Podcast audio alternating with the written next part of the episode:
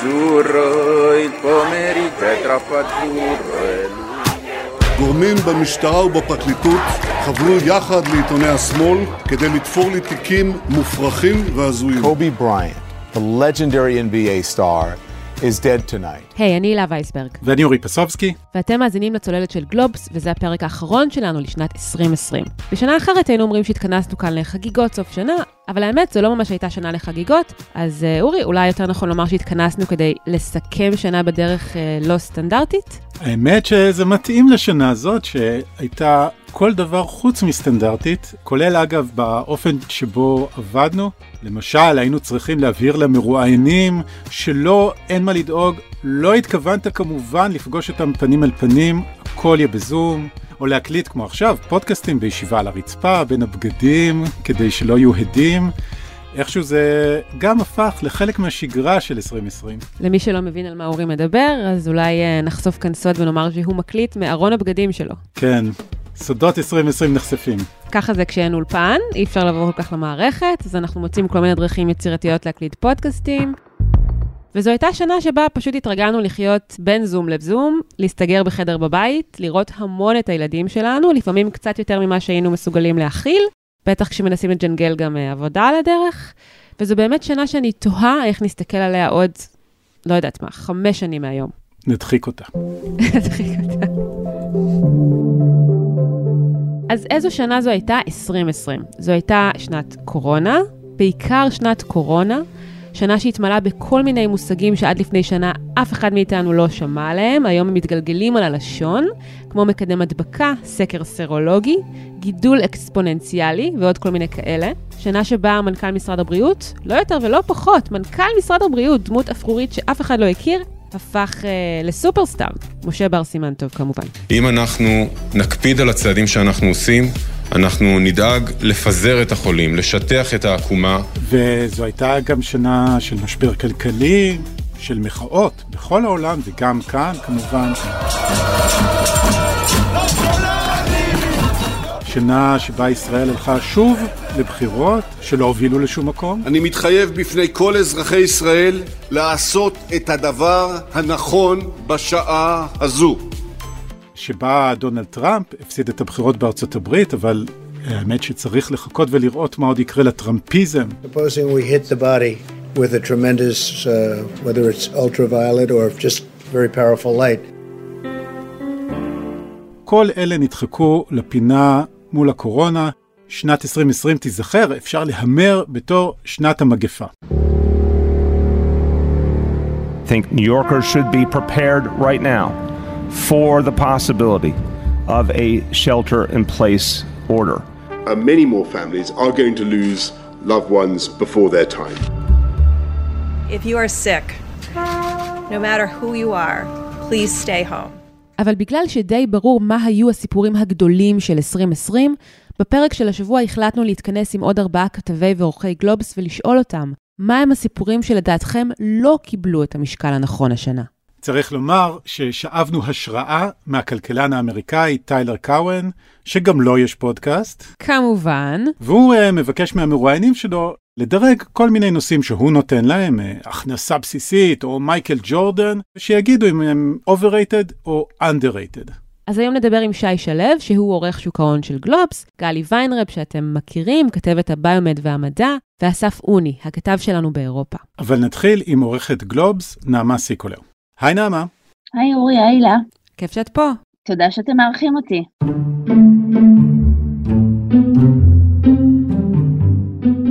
אוקיי, אז נתחיל ולשאול אותך, מה הסיפור שבעינייך זכה לפחות מדי תשומת לב בשנה החולפת, משהו שאולי היינו צריכים לדבר עליו יותר, שבדיעבד הוא סיפור גדול יותר ממה שחשבנו? אז תשמעו, אני אדבר כמובן על הקורונה הרבה, אה, אזהרה. אני רוצה לדבר על תורת הפערים של הקורונה, על המגזר הציבורי מול המגזר הפרטי, על אה, תעשיית ההייטק אל מול תעשיית אה, המסחר והקמעונאות. אני חושבת שהקורונה הכלכלית, אה, ממש כמו הקורונה הבריאותית, פגעה הרבה יותר במגזרים מסוימים, ולתחושתי, הגם שעסקנו בכך, לא עסקנו בכך מספיק, וגם הממשלה לא עסקה בזה מספיק.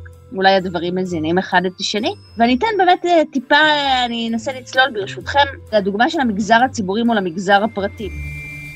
יש לנו מגזר ציבורי שמפרנס שני מיליון איש במדינת ישראל, ועיני כמובן לא צרה בפרנסה שלה ובביטחון התעסוקתי שלהם. גם המגזר הציבורי הוא לא מקשה אחת, הוא אחיות והוא רופאים והוא עובדות סוציאליות, אבל הוא גם עובדי נמלים וגם אה, עובדי אה, משרד האוצר. בקיצור, מאוד מאוד הטרוגני, אבל בוודאי מדובר באנשים שלא חוו את המשבר כפי שחווה אותו המגזר הפרטי. עכשיו, אני רוצה להזכיר לכם שאי שם באוגוסט, אולי ספטמבר, עוד לא היה לנו תקציב, אבל שר האוצר כן הבטיח לטפל בפערים, בחלק מהפערים ש... ובהטבות פנסיה שניתנות ובכל מיני דברים שהיו יכולים קצת לצמצם את הפער בין המגזר הפרטי למגזר הציבורי. כשאני אומרת ביושר, גם במגזר הפרטי, לא כולם, לא כל הסקטורים חוו את הקורונה באותה עוצמה. כך או כך, בין המגזר הציבורי למגזר הפרטי לא ראינו מהלכים משמעותיים אה, של צמצום פערים, ואם אנחנו רגילים לדבר לפעמים אה, בעולמות אחרים על הפער בין מדינת תל אביב לבין כל היתר, אני חושבת שבמובן מסוים, בקורונה, המגזר הציבורי הוא מדינת תל אביב,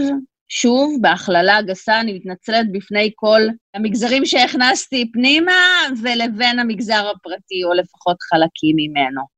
הלוואי שהיינו עוסקים בזה יותר. ועכשיו נעבור לאסף אוני, כתב גלובס באירופה, ולסיפור שהוא היה מבליט יותר השנה. זה היה סיפור אחד שאני אולי הרגשתי יותר מאחרים בגלל שהייתי הרבה על הקו בעבר בין ישראל לבין גרמניה, כלומר, זה סיפור שדווח, אבל אולי השפעות העומק שלו עדיין אה, לא התבררו, וזה היה הסגירה של נתב"ג. היו שבועיים, שלושה במהלך ספטמבר-אוקטובר, בהם הממשלה פשוט אסרה על אזרחים ישראלים לעזוב את הארץ. מי שקנה כרטיס לאחרי תאריך מסוים, לא נתנו לו לנסוע. זה נומק אפילו באופן רשמי בסולידריות שדרושה מהעם כדי להתמודד עם מגפה, ולדעתי זה היה תקדים מסוכן שחשבתי שאף פעם לא יהיה בישראל. חשבתי שתמיד נתב"ג יישאר מעין עורק חיים כזה שמדינת ישראל תשמור עליו, אני זוכר, במיוחד בעבר, כמה העורק חיים הזה שנקרא נתב"ג היה חשוב, שאפילו במהלך מבצעים צבאיים הוא המשיך לפעול, והממשלה אה, אמרה שזה הישג שחברות תעופה עדיין ממשיכות למרות שהיו רקטות ואיימו לכוון ישירות עליו. לי זה הזכיר, להבדיל, כן, אבל זה הזכיר קצת את חומת ברלין, את הנימוק של מזרח גרמניה שצריך להגן על התושבים מפני הפשיזם, אבל בעצם את האיסור שמזרח גרמניה הטילה לעזוב אותה.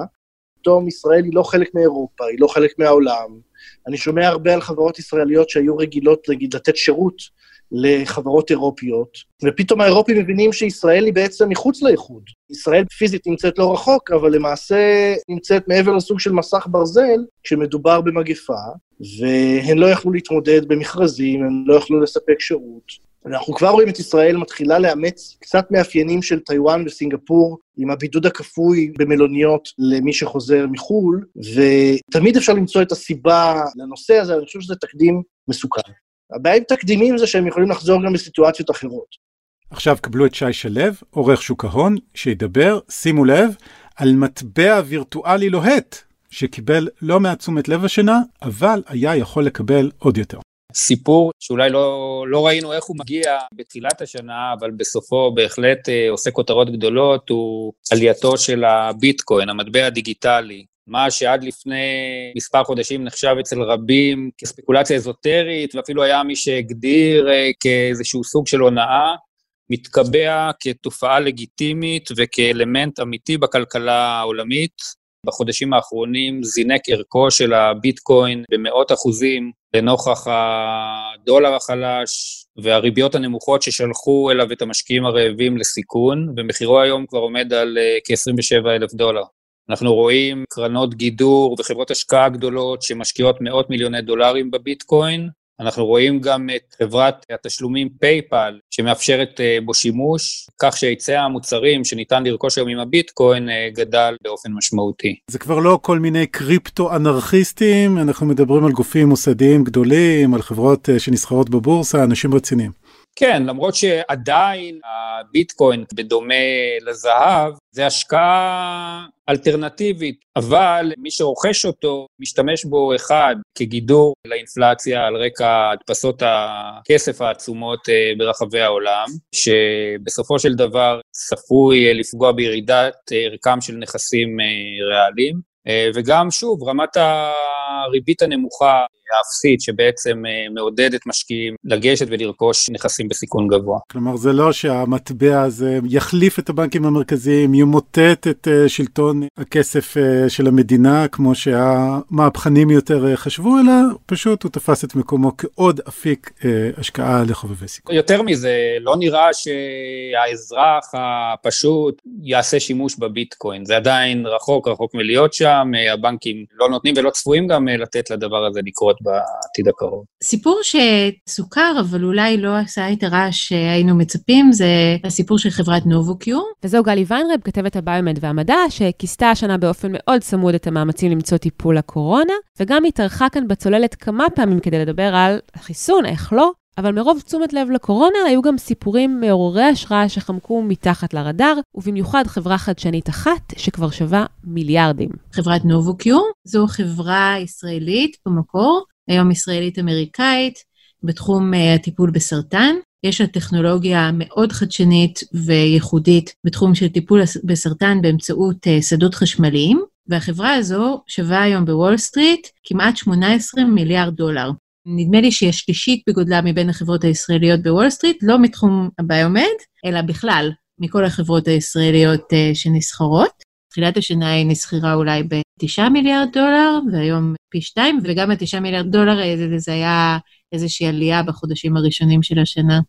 משהו שאני מאוד אוהבת בסיפור של החברה הזאת, זה שהטכנולוגיה שלה הומצאה על ידי פרופסור יורם פלטיק, שהוא היה דוקטורנט, וכשהוא יצא לפנסיה, הוא החליט שהוא יישם את זה. באיזה סוג של סרטן החברה מטפלת ואיך? היא יכולה לטפל בכמה סוגים של סרטן. המוצר הראשון שהיא פיתחה הוא לטיפול בסרטן מוח מסוג אה, גליובלסטומה, ובעצם היא מרכזת אה, שדות חשמליים באזור של הגידול, וככה היא מונעת בעצם את ההתחלקות של התאים רק באזור הזה. זה טיפול מאוד ממוקד. זה לא טיפול שיכול uh, להציל אנשים uh, מסרטן ולהפוך אותם ללא חולי סרטן, אבל uh, בהחלט טיפול שמאט את ההתפתחות של המחלה, כמו חלק מהתרופות הכי נמכרות בסרטן. החברה הזאת בעצם התקדמה לפי כל הכללים, עשתה את כל הניסויים הדרושים. היא כבר כמה שנים טובות בשוק ומוכרת במאות מיליוני דולרים בארצות הברית בעיקר. חברה כזאת שמוכרת בכאלה סכומים ונשארת עצמאית, ישראלית, זה עוד לא ראיתי. ולמה היא בעצם עברה מתחת לרדאר? אני חושבת שבאמת, גם בגלל שתחום הביומד יחסית פחות מסוכר, גם בגלל שהחברה הזאת לא עושה הרבה רעש, בטח לא בארץ. המנכ"ל שלהם, אני לא זוכרת מתי פעם האחרונה שהוא נתן ראיון, וגם כמובן בגלל הקורונה שלקחה מהם את תשומת לב, אחרת אה, יש סיכוי שהיו חוגגים אותם יותר. טוב, אולי ב-2021. Mm, יכול בהחלט להיות. הילה, אני יודע שיש סיפור שלדעתך הוא ה-underrated של השנה. כן, אני רציתי לדבר על סוגיה שכמובן נגענו בה השנה, אבל לדעתי לא נגענו בה מספיק, וזה הסיפור של העצמאים בישראל, בעיקר בעלי חנויות, בעיקר ענף המסחר וגם ענפי הפנאי, התיירות, התרבות. אם אתה זוכר, כבר ב-2019 עלתה תנועת השולמנים, היא דרשה עוד זכויות לעצמאים, ואז פרצה הקורונה. הקורונה הבהירה באמת עד כמה עצמאים הם מגזר פגיע. והיה משהו מטלטל בעיניי, בלתי נתפס אפילו, בזכות שלקחה על עצמה המדינה פשוט לשלול מאנשים את הזכות הכל כך בסיסית הזאת להתפרנס. וזה בלי לתת להם פיצוי שאפילו מתקרב ללגרד את הצרכים שלהם. והשנה דיברנו על מעמד הביניים שקרס לעוני ועל כמה זה קל, ואני חושבת שלא מספיק חידדנו שהאנשים האלה הם בעיקר עצמאים. כי בעוד שכירים שפוטרו מוגנים דרך דמי אבטלה, שהם בהחלט לא גבוהים, אבל כן נותנים איזשהו בסיס לבנות עליו, אז עצמאים צריכים להסתפק במענקים של מקסימום 7,500 שקל בחודש. תחשוב מה זה לאדם שהוא עצמאי, והמענקים האלה ניתנים עם הרבה אותיות קטנות. אני מרגישה שהעצמאים בישראל ממש הופקרו לנפשם, שבעוד באירופה ראינו מדינות שיצאו מגדרן כדי לסייע לעצמאים ולהשוות עד כמה שאפשר את רשתות ההגנה שלהם לאלה של שכירים, אז זה לא מה שקרה כאן. בגלובס נתנו הרבה מקום השנה לסיפור של העצמאים, טוב שכך, עדיין הזעקה של העצמאים לא הובילה למספיק התייחסות אצל מקבלי ההחלטות. אני חושבת שכל עוד אתה לא חווה על בשרך את מה שהאדם האחר חווה, אתה לא מסוגל באמת להבין, אתה לא מסוגל באמת לתפוס את המשמעות של להידרדר ביום בהיר אחד עד סף העוני. במספרים אגב, בדקתי אתמול, זה לפי דן אנד ברדסטריט, מדובר על 75 אלף עסקים שנסגרו ב-2020. לעומת 45 אלף עסקים שנסגרו ב-2019. זו עלייה של 66 אחוזים, זו עלייה מאוד מאוד גדולה, ולדעתי זה מגרד רק את קצה הקרחון, אנחנו נראה את הקריסה הגדולה ב-2021.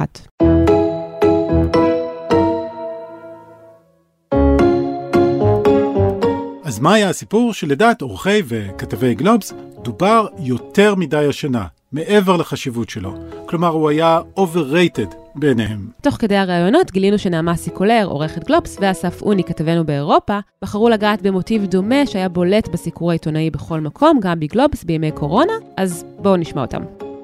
גם אנחנו פה בגלובס, היו רגעים בקורונה שככה מאוד uh, התאהבנו, אני אקרא לזה, בסוג של uh, סיפורי הצלחה. ואני חושב שאולי חיפשנו קצת יותר מדי את המודל המושלם, שחשבנו שיש איזשהו מתכון סודי להתמודד עם המגפה, ושלפעמים הצבענו על מקומות, הנס הדני, הפלא האיסלנדי, התעלומה הפולנית. אלא שאחרי זה עשינו את זה גם לאיסלנד, וגם למגזר הערבי, ולירוחם, ולרגע קטן אה, גם לבני ברק, ולקח לנו זמן להבין, ברמת מסגור, גם ברמת סיפור, שלא באמת מנצחים את הקורונה.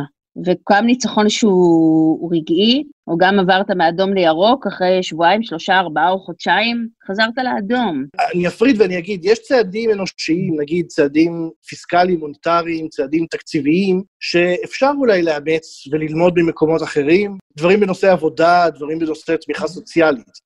אבל אני חושב שבמקרים האפידמיולוגיים, שפתאום כולם נהיו איכשהו מומחי מגפות, היו כמה צירופי מקרים, סוג של מיראז'ים של הצלחה במאבק במגפה, שבדיעבד, ואחרי חלוף זמן, הוכיחו את עצמם כצירופי מקרים ולא באמת כקון שאפשר לאמץ אותו.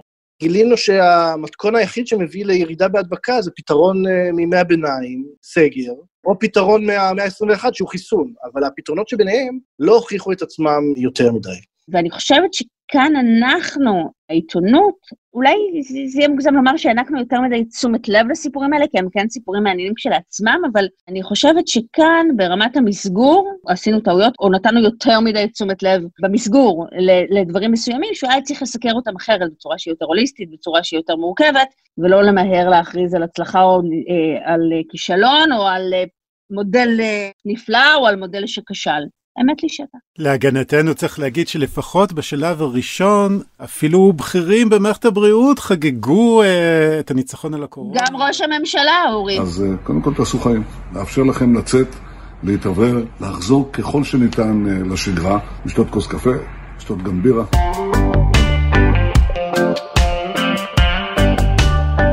שי שלו, עורך שוק ההון, בחר את שוק הקנאביס, שבו היה יותר עשן מאש, אפשר להגיד? אפשר להגיד. כולנו זוכרים את ההייפ העצום שנלווה בסקטור מניות הקנאביס הרפואי אה, בשנת 2019. אה, זה התחיל בהבטחות מרקיעות שחקים לייצוא מוצרים כחול לבן לאירופה ומדינות נוספות בעולם, הצטרפות של סלבריטאים מתחומי הצבא, הפוליטיקה, הספורט והבידור לחברות אה, קנאביס ומניות שהן עוסקות. השנה ההיא הסתיימה בהתרסקות גדולה של המניות, במחסור בסחורה ובהתנפלות זוהמת של לקוחות על סניפי בתי המרקחת. השנה, ב-2020, שוב, התעוררו ציפיות גדולות כשהוכרז סוף סוף אה, שיש אישור ממשלתי לייצוא אה, קנאביס רפואי, אבל בין ההכרזה הרשמית לבין כל התקנות אה, הכרוכות בו, עברו החברות דרך ארוכה, ובעצם משלוחי קנאביס ראשונים לייצוא יוצאים רק בימים האלה. זה עוד שנה מאכזבת למשקיעי הקנאביס, המניות רשמו ירידות, גם אם uh, בסוף השנה, כאמור, נפתח uh, יצוא ראשון מישראל. המשקיעים כבר בהחלט סקפטיים uh, ומגיבים בזהירות. זה אולי משהו שמשבר הקורונה איכשהו כן הפעיל עליו? אני דווקא חושב שמשבר הקורונה לא היה לו השפעה שלילית על סקטור הקנאביס, שיותר מתקשה מול רגולציה, ובאמת, אחד, לספק את הסחורה לשוק המקומי, ושתיים, לייצא אותה החוצה לחו"ל. אז חזון אה, ישראל כאימפריית הקנאביס אה, מתעכב בינתיים. בינתיים מתעכב, ואולי 2021 אה, יהיה לחברות את ההזדמנות לנסות ולהצדיק את ההייפ שהיה בעבר. חלקן יש חוזים לשיווק מוצרים בחו"ל, ונוכל לראות אם מה שנחשב בעבר כאיזשהו סוג של בוננזה אכן יקיים. ואחרונה, גלי ויינרב, על משהו שהיה הבטחה גדולה והסתיים בקול ענות חלושה. אז uh, הסיפור של הסקר הסרולוגי. מה זה? מה זה סקר סרולוגי? Uh, סקר סרולוגי זה בעצם היה ניסיון uh, להבין כמה חולי קורונה היו בארץ. זאת אומרת, כמה אנשים בעצם חלו בקורונה. אנחנו יודעים כמה אנשים נבדקו ונמצאו חולים בקורונה, אבל כולנו יודעים על כל מיני אנשים שבעצם הרגישו שהם אולי קצת חולים, לא היו בטוחים, ועד שהם הגיעו לעשות בדיקה, אולי כבר הם החלימו, אז הם לא עשו בסוף. ואנחנו גם יודעים שיש אנשים שבכלל לא מרגישים את התסמינים, ואף אחד לא יודע כמה. ובגלל שישראל היא ככה מדינה מצד אחד לא גדולה ומצד שני כן אה, חדשנית ומשקיעה בבריאות, חשבו שזה יהיה מקום טוב לעשות את הסקר הסרולוגי, זאת אומרת לעשות אה, מדגם מאוד גדול, לבדוק נוגדנים לקורונה. היום אנחנו גם יודעים שהיעדר נוגדנים לא בהכרח אומר שלא היית חולה, אבל זה נותן איזושהי תחושה. ובאמת הוזמנה כמות גדולה של אה, בדיקות נוגדנים, וביולי השנה, בהנחיה של משרד הבריאות, התחילו uh, קופות החולים לבדוק אנשים באופן מדגמי, ומההתחלה זה עורר המון רעש, איך כדאי לבדוק, מה השיטה הכי טובה, uh, מה זה בעצם יגיד. למעשה ביולי לא ידעו אם uh, 2% מהאוכלוסייה כבר חלו, 5%, 30% אולי, זאת אומרת, הייתה איזושהי מחשבה שככה אפשר באמת לדעת על איזה רמה של סיכון אנחנו מדברים, כי באמת אה, תזכרו שבאותו זמן לא ראו את החיסון באופק, גייסו נורא מהר אה, חלק מאוד גדול מהנבדקים שהיה צריך, ופתאום לא שמענו על זה, לא שמענו על זה באוגוסט, לא שמענו על זה בספטמבר, ופתאום באוקטובר יצאו עם הסקר ואמרו שהסקר מצא שיש בערך אה, חמישה אחוז חיובים בסקר הסרולוגי, אבל מה שהסתבר, רוב החיוביים בעצם היו אנשים שנדגמו כבר ביולי, כי בעצם נורא נורא מהר הם עשו את רוב הנבדקים, ולקח להם המון המון זמן להשלים במגזרים שקשה לגייס בהם. אז כדי להשלים בעצם את התמונה הסטטיסטית, הם היו צריכים להגיע עד אוקטובר, אבל כשהם סיימו סוף סוף באוקטובר, אז בעצם הנתונים שלהם היו נכונים ליולי, ואם אתם זוכרים, אז בעצם ביולי עדיין היינו לפני כל הגל השני, שבמגזר הכללי הוא למעשה היה הגל הראשון, ובעצם אה, כל האקשן, תחום הקורונה בארץ, קרה בספטמבר, ולזה לא היה בעצם ייצוג בסקר. בסופו של דבר זה בעצם לא אמר כלום ולא פעל לטובת אף אחד כל כך.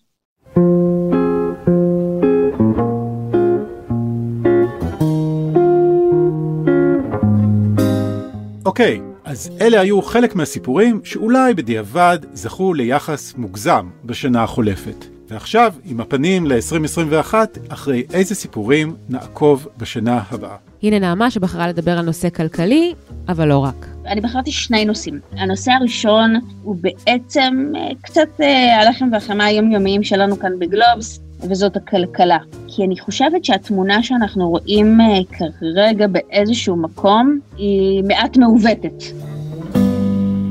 התוכניות הכלכליות מנשימות חלק ניכר מהעסקים, ואולי במידה רבה של צדק, ותוכניות החירום אה, טובות, וגם אנחנו כאן בגלובס קראנו להזרים כסף לשווקים, וזה בסדר גמור, אבל זה כן מעוות את התמונה שאנחנו רואים, ואני חושבת שביחד עם היציאה המבורכת, שאולי תגיע ביחד עם החיסונים, תוסר רשת הביטחון הכלכלית אני חושבת שיותר ויותר נראה את מצבו האמיתי של המשק הישראלי, גם רשת הביטחון שניתנה עד יוני 2021 תוסר. אני חושבת שבישראל, אבל גם בעולם כולו, אנחנו נתחיל לראות את המצב הכלכלי האמיתי, אני לא חושבת שאנחנו רואים אותו כהווייתו כרגע. ואם התחלנו ודיברתי גם על פערים, אני חושבת שהפערים יתחדדו עוד יותר. אני חושבת שאנחנו לא נהיה באותו עולם כלכלי שהיינו בו. אני יכולה לנסות לדמיין את חלק מהדברים ואת חלק מהמגמות. אני בטוחה שאני לא יודעת לדמיין את כולם, אבל אני חושבת שהשנה הזאת, עם כמה שאנחנו כאילו אופטימיים, אה, חיסונים וכולי, אני חושבת שמבחינה כלכלית היא תהיה שנה לא טובה. ועוצמת הפגיעה בכלכלה, גם בשנה הקרובה וגם עוד שנים קדימה, תלך ותיחשף. והנושא הנוסף שלדעתי ילווה אותנו בשנה הנכנסת ביתר שאת, ראינו קצת uh, בשלהי השנה את האפקט שלו, זה נושא ה fake news, ולא רק fake news, שאנחנו כאן בגלובס, יש לנו את המשרוקית של גלובס, ואנחנו מתמודדים עם, עם uh, בדיקת עובדות ממש ברמה יומיומית, ואני מאוד מאוד שמחה ורואה גם ככה שיותר ויותר כלי תקשורת uh, בארץ, בטח בעולם, שם התחילו עוד קודם, מתמודדים עם הדבר הזה, אני חושבת שנתמודד איתו עוד יותר, וגם עם שאלות ביחס למידת הכוח שלנו כעיתונות בהקשר הזה, וגם לתפקידן של הרשתות החברתיות. We won states that we weren't expected to win. Florida, we didn't win it. We won it by a lot. טראמפ, רגע אחרי שהוכרז על, אה, על כך שהוא הפסיד את הבחירות, מיהרו רשתות הטלוויזיה בארצות הברית לקטוע את השידור, להוריד אותו מהשידור, אה, הרשתות החברתיות לעשות לו בדיקת עובדות, כמובן דברים שהם מבורכים כאשר באמת מופץ מידע שאיננו נכון. אני רק שאלתי את עצמי למה זה נעשה רק כשטראמפ היה בדרכו החוצה, על גופות נורא קל ונוח לדרוך. וגם בכלל, האם נשיא מכהן או ראש ממשלה או שזה לא יהיה, האם נכון להוריד אותו משידור, כן להקרין ולתת לציבור לשפוט תוך שאתה מלווה את זה בבדיקת עובדות מטעמך ואומר מה אמת ומה שקר, האם אתה בודק את כל הפוליטיקאים, האם אתה מסמן את כל הסטטוסים בפייסבוק או בטוויטר, או רק בצד אחד, או רק כשהצד הפסיד. יש המון שאלות שהן מאוד מורכבות, אני חושבת שגם אפרופו עובדות ופוליטיקה ועובדות, אבל גם אפרופו חיסונים ועובדות, אנחנו נראה את הדברים האלה יותר ויותר, את ההתמודדות עם fake news יותר ויותר, וכאמור, גם את תפקידה של התקשורת המסורתית ושל הרשתות החברתיות. אז מעבר לסיפורים הדי ברורים של השולחן, כמו כמובן הקורונה, היחסים החדשים בין אירופה לארצות הברית, מה שקורה ביבשת אחרי פרישת בריטניה, נושא קטן אבל שלפי דעתי מאוד מעניין, הוא הכניסה של משקיעים באירופה לשוקי המניות ביבשת. זה שוב אסף אוני, כתבנו באירופה. זה סיפור שעלה לרדאר בשבילי כשסיקרתי את פרשת Wirecard, וכשפשטו רגל ובעצם הם הודו בזיוף אה, מאזנים ובהעלמה של שני מיליארד אירו, ושאלתי מישהו למה העונשים בגרמניה לא כל כך חמורים כמו בארצות הברית. והוא הסביר לי ששיעור המשקיעים הישירים בשוקי המניות מקרב הציבור בגרמניה ובאירופה הוא מאוד מאוד קטן, ולכן אין לחץ ציבורי כדי להעניש את מי שעובר על החוק. ובארצות הברית מדובר על בערך 50% מהאנשים, בגרמניה מדובר על 10% מהגרמנים שמשקיעים ישירות בבורסה. אני חושב שזה מתחיל להשתנות. אני שומע יותר ויותר צעירים מהעולמות האלה של אומנות ומשפיענים וכאלה שמדברים ביניהם על השקעות בבורסה, שמדברים על מניות מובילות. יש אפליקציות שונות שהולכות ותופסות תאוצה. אני לא יודע אם זה בגלל הקורונה, או בגלל שיש שכבה של עצמאים יותר גדולה, למשל, שצריכה לדאוג לעצמה בגלל מודלים של תעסוקה, או בגלל ריביות אפסיות ששוחקות את הכסף בבנק ובעצם נותנות מצג כאילו אתה מפסיד כסף בזה שאתה לא משקיע, אבל זה נראה לי כמו טרנד. אני חושב שהרבה צעירים מרגישים סוג של, אה, כמו שהיו קוראים לזה FOMO, fear of missing out, והם מרגישים את ה-fear of missing out הזה בשוקי המניות. לפי דעתי שווה להסתכל על זה בשנה הקרובה ולראות איך זה משפיע עליהם. אנשים מדברים יותר ויותר על מניות מסוימות, וגם מוציאים להם קצת את העיניים עם הביטקוין שסובר שיאים, עם המניות של טסלה. אני חושב שזה הרבה יותר נובע, אולי גם יהיה דור החדש, שהוא פחות שונא סיכון מאשר ההורים הפרוסים שלו, שאוהבים לחסוך. ולפעמים סיפורים כאלה גם נגמרים בדמעות, אם ללמוד מניסיון העבר. לרוב אני חושב שהם נגמרים בדמעות, ולכן באמת כדאי להסתכל. אם אנשים שאני מכיר בתחומי האומנות פתאום מתחילים להשקיע במניות ומחליפים ביניהם אה, טיפים על אה, מניות כמו שמדברים על סוסים, אני לא יודע, זה, זה יכול ללכת לכאן ולכאן, וזה גם אנשים שרואים את, את, בעצם את הבורסות עולות כבר מ-2008. הם לא חוו אה, מפולת, אז זה גם מעניין לראות. והסיפור שיעסיק את שי שלו בשנה הבאה התחיל בעצם עוד בשנה החולפת. הגאות העצומה של מניות הטכנולוגיה, אה, בעיקר בוול סטריט, אבל גם אה, בשוק המקומי. אנחנו רואים את זה גם במחירי המניות שנוסקים וגם בגל הנפקות אפשר להגיד חסר תקדים של אה, חברות טכנולוגיה, שממש מגיע לממדים שמזכירים את ימי בועת ה dot com בשלהי המאה הקודמת. יש הרבה כסף נזיל בשווקים שמחפש תשואה בתקופה של ריביות נמוכות, וחברות הטכנולוגיה מאוד בלטו בהתאמה שלהם לימי הקורונה. אנחנו מדברים על עבודה בדיגיטל, על gaming, על רפואה מרחוק, תקשורת, אחסון, סייבר אה, ומה לא, הכל אה, באונליין. ושוב, אני חוזר לבאמת אה, סקטור מניות הטכנולוגיה הניב את התשואות הגבוהות ביותר בשווקים בשנה החולפת, כשלצידו אנחנו ראינו אה, הרבה מאוד הנפקות של חברות, גם ישראליות, בוול סטריט ובתל אביב, וריבוי של חדי קרן שהופכים אה, מחברה פרטית לחברה ציבורית בהנפקות ענק, חברות כמו Lemonade, JFrog, שהונפקו בשנה החולפת, והתור אה, להנפיק ב-2021 אה, מתארך. קראנו לאחרונה על חברות כמו Playtika, Taboola, ironSource, חברות שכולן אה, מוערכות במיליארדי דולרים, שעומדות בתור כדי להנפיק בוול סטריט. זהו, פתאום אנחנו מגלים שבישראל יש כמה וכמה וכמה חברות ששוות אה, מיליארדי דולרים. כן, זה לא, לא סיפור חדש שבישראל אה, יש חברות טכנולוגיה מבטיחות שהשווי שלהן הוא גדול. ההבדל הוא, לעומת אולי שנים קודמות, שרבות מהן היום פונות כדי לגייס את הכסף ולהפוך לאולי מגה חברות ישראליות ולא ממהרות אה, להימכר כמו שהיה בעבר. והסיפור שיעניין את גלי ונרה בשנה הבאה יעניין ככל הנראה את כולנו. בתקווה שלא יהיו הפתעות כלשהן, אנחנו בעצם מצפים לראות איך אה, אנחנו לאט לאט רואים את האוכלוסיות מתחסנות, ובעצם את הקורונה נעלמת. זה יהיה משהו היסטורי שלי לא יצא לראות בחיים שלי משהו כזה.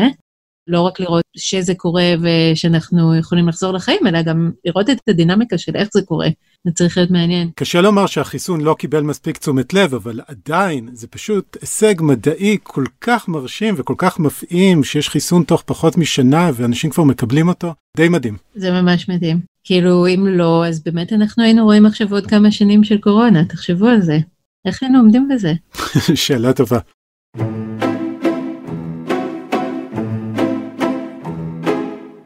ועל מה עוד נדבר בשנה הבאה? כמובן נדבר על הבחירות שצפויות להיות במרץ 2021, רביעיות במספר, אבל מי סופר? שכמו עוד סגר ועוד סגר מתישות ושוחקות גם את סף היכולת להתרגש מהן. ועוד סיפור שנדבר עליו, בטח בהמשך השנה, הוא מי ישלם את המחיר על כל הכסף שזרם כמים, ובצדק, בזמן המשבר. דיברנו כאן על כך שהקורונה לא פגעה בכולם באופן שווה, אז צריך להגיד שהיו גם מגזרים ואנשים שממש שגשגו בזמן המשבר. יש כל מיני הערכות, אה, לפי אמונם של המיליארדרים בארצות הברית למשל, גדל ביותר מ-30% במהלך אה, המגפה, במקביל, אפשר לשמוע שם אה, קריאות להטיל עליהם יותר אה, מיסים. גם הנשיא הנכנס, ג'ו ביידן, מדבר על הצורך שכולם ישלמו את חלקם ההוגן. ומנגד, יש גם מי שמדבר על הצורך בקיצוצים כואבים ביום שאחרי המשבר, וכאמור, יש גם את הדיון על האם דרושה רפורמה במגזר הציבורי כאן בישראל, ואיזה רפורמה. האמת שזה דיון ש... עוד לא ממש מתנהל, אני חושב שהוא יתפוס תאוצה רק כשנצא מהמשבר, זה יהיה הזמן. ואני חושב גם שבארצות הברית ובמקומות אחרים השיח הזה הרבה יותר ער מאשר בארץ. אבל אפשר להמר, אני חושב, שהוויכוח הזה ילווה אותנו בשנה הקרובה וגם אחריה. אז אתה מעריך שאולי נראה כאן סוף סוף מס ירושה למשל? אני לא יודע. האמת ש...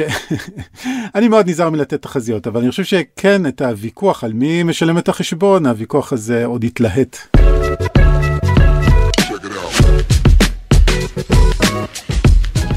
זהו, אז עד כאן הפרק האחרון של הצוללת לשנת 2020. נקווה שהשנה הבאה תהיה מוצלחת קצת יותר. כן, כן, בוא ניפרד מהשנה הזאת כבר. ביי ביי 2020, נשמח לשכוח ממך. אתם יכולים לעקוב אחרינו באתר גלובס, בספוטיפיי או בכל מקום שבו אתם מאזינים לפודקאסטים. ואתן מוזמנות ומוזמנים לשלוח את הפרק לחבר שעוד לא שמע עלינו, וגם לתת לנו דירוג גבוה באפל פודקאסט. וכמובן, אתם מוזמנים לעקוב אחרי כל הסיפורים שדיברנו עליהם, וגם סיפורים שעוד יפתיעו אותנו, באתר גלובס או בעיתון המודפס. הנה החלטה ל-2021. נאומיהם של בנימין נתניהו ומשה בר סימנטוב נלקחו מערוץ היוטיוב של ראש הממשלה. נאומיו של אה, דונלד טראמפ נלקחו מחשבונות הטוויטר והיוטיוב של רויטרס, נאומו של בני גנץ באדיבות ערוץ הכנסת, הידיעה על מותו של קובי בריינט נלקחה מערוץ היוטיוב של CNN, והידיעה על רחובות העולם הריקים נלקחה מחשבון הטוויטר של אימון אטקינסון, כתב טלוויזיה אוסטרלי. תודה לעורך הפודקאסטים רון טוביה ולכל צוות הצוללת. תודה הילה, תודה אורי, רק בריאות. אני אורי פסובסקי. אני הילה וייסברג, נתראה בשנה הבאה. ביי ביי. ביי.